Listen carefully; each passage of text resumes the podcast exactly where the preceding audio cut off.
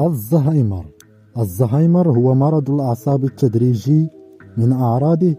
تراجع القدرة على التذكر تدهور اللغة وضعف القدرة على التعامل مع المعلومات البصرية.